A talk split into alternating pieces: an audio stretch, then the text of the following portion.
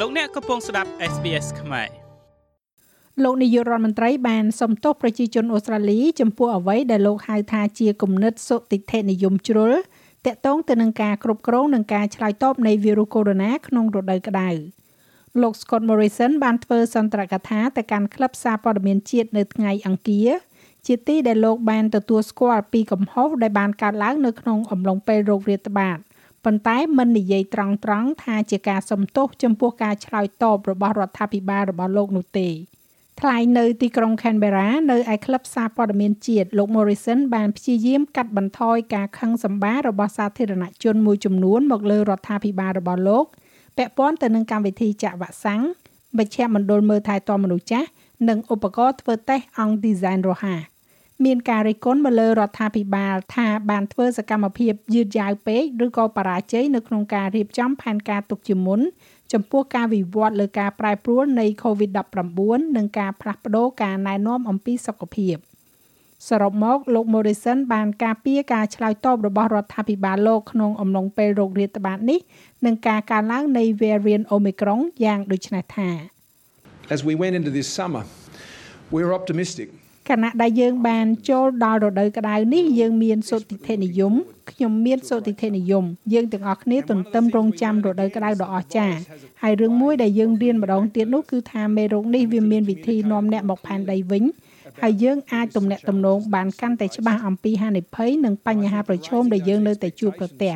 ហើយខ្ញុំគិតថានៅក្នុងការបង្កើននៅការរំពឹងទុកទាំងនោះអំពីរដូវក្តៅនោះហើយដែលយើងបានបង្កើននៅអារម្មណ៍នៃការខកចិត្តដ៏ខ្លាំងដែលប្រជាជនមានលោក Morrison បាននិយាយបន្តទៀតថាប្រសិនបើលោកមានពេលម្ដងទៀតលោកនឹងដាក់កម្មវិធីចាក់វ៉ាក់សាំងក្រោមប្រតិបត្តិការយោធាតាំងពីដំបូងហើយគ្រប់គ្រងការផ្លាស់ប្ដូរអ្នករស់នៅក្នុងមណ្ឌលមើលថែទាំមនុស្សចាស់ទៅកាន់មន្ទីរពេទ្យរដ្ឋឲ្យបានប្រសើរជាងនេះបន្ទាប់ពីរដូវក្តៅត្រូវបានបំផ្លាញដោយរលក វីរុសកូវីដ -19 Omicron ចំនួនមនុស្សស្លាប់កើនឡើងនិងកង្វះខាតឧបករណ៍ធ្វើតេស្តអង្គឌីហ្សែនរហ័សនោះលោកនាយករដ្ឋមន្ត្រីបានទទួលស្គាល់ថាប្រជាជនមានការខកចិត្តប៉ុន្តែហៀបនឹងនិយាយសំទោសទៅហើយនោះលោកក៏ឈប់ទៅវិញទោះបីជាមានការសង្កត់ដោយប្រធាន NPC លោកស្រី Laura Tingle ក៏ដោយ We hadn't anticipated យើងមិននឹកស្មានដល់ថាយើងនឹងមាន variant ដែលនាំឲ្យវ៉ាក់សាំងមិនអាចបញ្ឈប់ការឆ្លងបាននោះទេ យើងបានវិនិយោគទុនយ៉ាងច្រើនទៅលើការចាក់វ៉ាក់សាំងទាំងនោះក្នុងរយៈពេល24ម៉ោងចុងក្រោយនៃសេចក្តីរាយការណ៍ក្នុងថ្ងៃអង្គារប្រទេសអូស្ត្រាលីបានកត់ត្រាករណីស្លាប់ជាមួយនឹង COVID-19 ជាង70នាក់ដែលក្នុងនោះរដ្ឋ New South Wales ស្លាប់30នាក់រដ្ឋ Victoria 34នាក់រដ្ឋ Queensland 10នាក់និង3នាក់នៅរដ្ឋអូស្ត្រាលីខាងត្បូង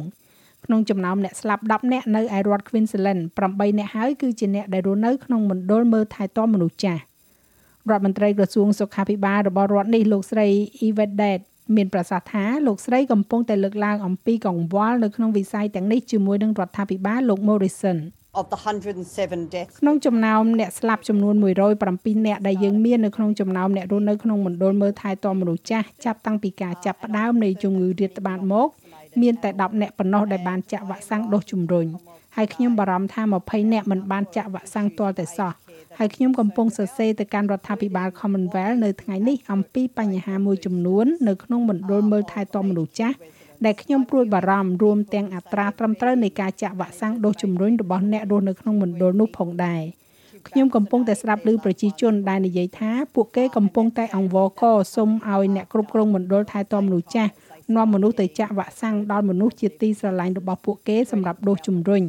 ហើយនោះគឺជារឿងគួរឲ្យសោកស្ដាយដែលវាកើតឡើងបន្ទាប់ពីឬក៏ស្របពេលដែលពួកគេ កំពុងតែមានករណីវិជ្ជមាន COVID-19 រីករាលដាលពេញមណ្ឌល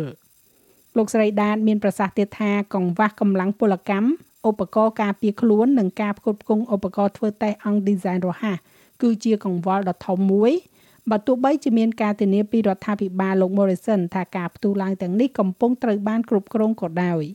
Despite the Commonwealth saying we've got a plan ដោយដែលរដ្ឋាភិបាល Commonwealth និយាយថាយើងមានផែនការមួយយើងកំពុងគ្រប់គ្រងការផ្ទុះឡើងទាំងនេះ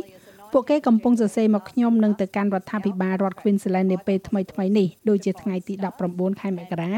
ដែលសូមឲ្យយើងប្រើប្រាស់កិច្ចសន្យារបស់យើងជាមួយនឹងមន្ទីរពេទ្យឯកជនដើម្បីស្វែងរកបុគ្គលិកនិងក្រេស្នាក់នៅក្នុងមន្ទីរពេទ្យឯកជនសម្រាប់អ្នករស់នៅក្នុងមណ្ឌលមើលថែទាំមនុស្សចាស់ដែលតម្រូវការកើតឡើង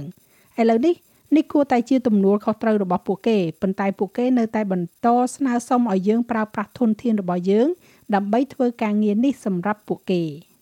បច្ចុប្បន្ននេះលោកស្រីកំពុងតែអំពាវនាវឲ្យរដ្ឋាភិបាលលោក Morrison អនុវត្តអនុសាសន៍ដែលកំណត់ដោយរាជគណៈកម្មការលើវិស័យមើលថែទាំមនុស្សចាស់ក្រុមប្រឹក្សារដ្ឋ Victoria និយាយថាពួកគេក៏បានពន្យាពេលការត្រួតពិនិត្យសុខភាពសម្រាប់ទារកដែលមានអាយុលើសពី2ខែដោយសារតែសម្ពាធដែលកំពុងបន្តកើតមានឡើងមកលើប្រព័ន្ធសុខាភិបាលរបស់រដ្ឋនេះទន្ទឹមនឹងនេះនៅក្នុងរដ្ឋ New South Wales ការស៊ើបអង្កេតរបស់សភាបានលើថា គិលានុបដ្ឋាយិកាត្រូវបានបង្ខំឲ្យលុបចោលច្បាប់ឈប់សម្រាកដើម្បីរ៉ាប់រងការផ្លាស់ប្ដូរវេនក្នុងអំឡុងពេលរោគរាតត្បាតនេះ។ហើយនៅរដ្ឋ Tasmania វិញគិលានុបដ្ឋាយិកានឹងឈ្មោះបានលើកឡើងពីការចាត់សកម្មភាពឧស្សាហកម្មលើបញ្ហារ៉ាំរ៉ៃក្រោមបញ្ហាបុគ្គលិកដែលកាន់តែធ្ងន់ធ្ងរឡើងដោយរោគរាតត្បាតនេះក្តីបារម្ភមួយទៀតដែលត្រូវបានលើកឡើងនៅថ្នាក់ជាតិនោះគឺការឡើងថ្លៃនៃឧបករណ៍ធ្វើតេស្តរហ័សរោគ COVID-19 នៅថ្ងៃនេះមានការប្រកាសឡើងមកថាអ្នកលក់រាយដែលគិតថ្លៃខ្ពស់សម្រាប់ឧបករណ៍ធ្វើតេស្តអង្គឌីហ្សែនរហ័សនេះអាចត្រូវខាងសេវាកម្មត្រួតពិនិត្យអតិថិជនរបស់អូស្ត្រាលីប្តឹងឡើងតុលាការគណៈកម្មការប្រកួតប្រជែងនឹងអ្នកប្រើប្រាស់អូស្ត្រាលីហៅកាត់ថា ACCC បានទទួលពាក្យបណ្ដឹងជាង4000ពាក្យនៅក្នុងរយៈពេល1ខែជុំវិញតម្លៃឧបករណ៍ធ្វើតេស្តរហ័សនៅតាមផ្ទះនេះ ហើយនេះគឺជាប្រសាសន៍របស់លោក Rod Smith ប្រធាន ACCC excessive pricing ការកំណត់តម្លៃលក់ខ្ពស់លើសលប់ធម្មតាមិនមែនផ្ទុយនឹងច្បាប់នោះទេប៉ុន្តែការកំណត់តម្លៃខ្ពស់លើសកម្រិតនៃឧបករណ៍ធ្វើតេស្តអង្គឌីហ្សែនរហ័សនៅចំកណ្ដាលនៃโรគរាតត្បាតនេះអាចឈានដល់ការប្រព្រឹត្តខុសដោយគ្មានមនសិការហើយខ្ញុំសង្ឃឹមថាយើងអាចបញ្ជូនមនុស្សមួយចំនួនទៅចំពោះមុខតុលាការពាក់ព័ន្ធទៅនឹងបញ្ហានេះ ចាស់ឲ្យរបាយការណ៍នេះចងក្រងឡើងដោយ Tina Quinn សម្រាប់ SPS News ហើយប្រាយសម្រួលសម្រាប់ការផ្សាយរបស់ SPS ខ្មែរដោយនាងខ្ញុំហៃសុផារ៉ានីចូលចិត្តអ្វីដែលអ្នកស្ដាប់នេះទេ Subscribe SBS ខ្មែរនៅលើ Podcast Player ដែលលោកអ្នកចូលចិត្ត